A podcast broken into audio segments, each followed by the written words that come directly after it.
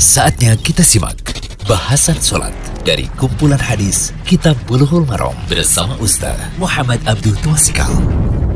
Assalamualaikum warahmatullahi wabarakatuh. Alhamdulillah, salatu wassalamu ala rasulillah wa ala alihi wa sahbihi wasallam. Kali ini kita berada di audio ke-161 dari pembahasan kitab Bulughul Maram dari Imam Ibnu Hajar Al-Asqalani, kitab salat bab salat tatawu, salat sunnah. Kita sekarang di hadis ke-17, 18 dan seterusnya itu membicarakan tentang salat malam dan salat witir. Hadis ke-17 atau 366 dari kitab Bulughul Maram.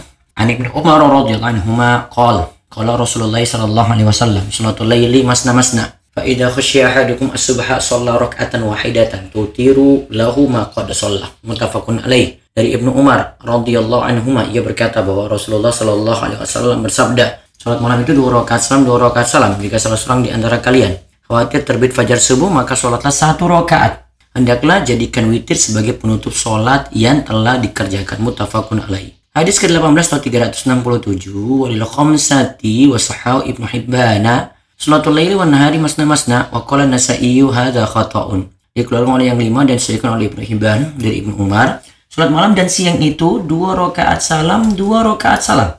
An-Nasai berkata ini keliru. Hadis ini riwayat Abu Daud, Tirmidzi, An-Nasai, Ibnu Majah dan Ahmad. Faedah hadis, yang pertama hadis ini menunjukkan afdoliyah. Salam setiap dua rakaat. Hal ini berlaku untuk sholat sunnah di malam hari ataukah di siang hari. Yang kedua, orang yang sholat sunnah di malam hari disunahkan mengerjakannya dua rakaat salam, dua rakaat salam. Namun, jika ia menggabungkan beberapa rakaat dengan sekali salam, itu boleh. Begitu pula boleh mengerjakan witir hanya dengan satu rakaat saja. Hal ini dibolehkan oleh ulama syafi'iyah. Yang ketiga, sholat witir disunahkan menjadi penutup sholat malam. Waktu witir berakhir dengan terbit fajar subuh.